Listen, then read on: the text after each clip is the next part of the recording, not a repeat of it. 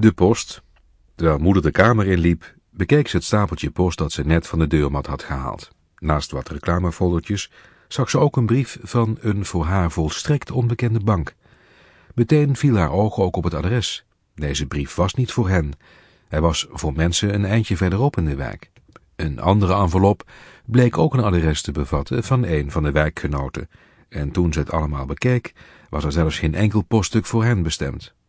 Ze liep naar buiten om te zien of de postbode nog in de straat was, zodat ze hem kon wijzen op de gemaakte fout.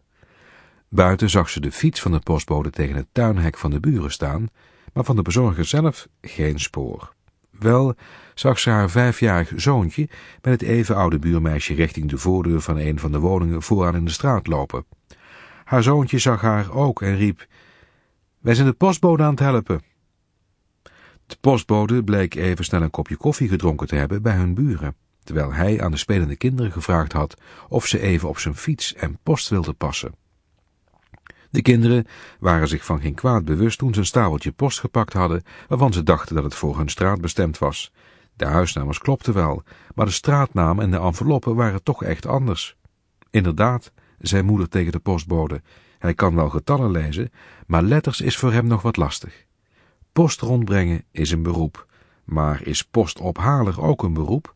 vroeg haar zoontje later die middag. Hoezo? Nou, ik vind post ophalen eigenlijk veel leuker dan rondbrengen. Ongetwijfeld doelde hij daarmee op de vele snoepjes die hij en zijn buurmeisje hadden gekregen toen ze overal aan hadden gebeld om de net bezorgde post weer terug te vragen. Maar dan moet je wel een kleine postophaler zijn, vervolgde hij even later zijn verhaal. Want ik heb wel gezien dat de grote postophaler helemaal geen snoepjes kreeg.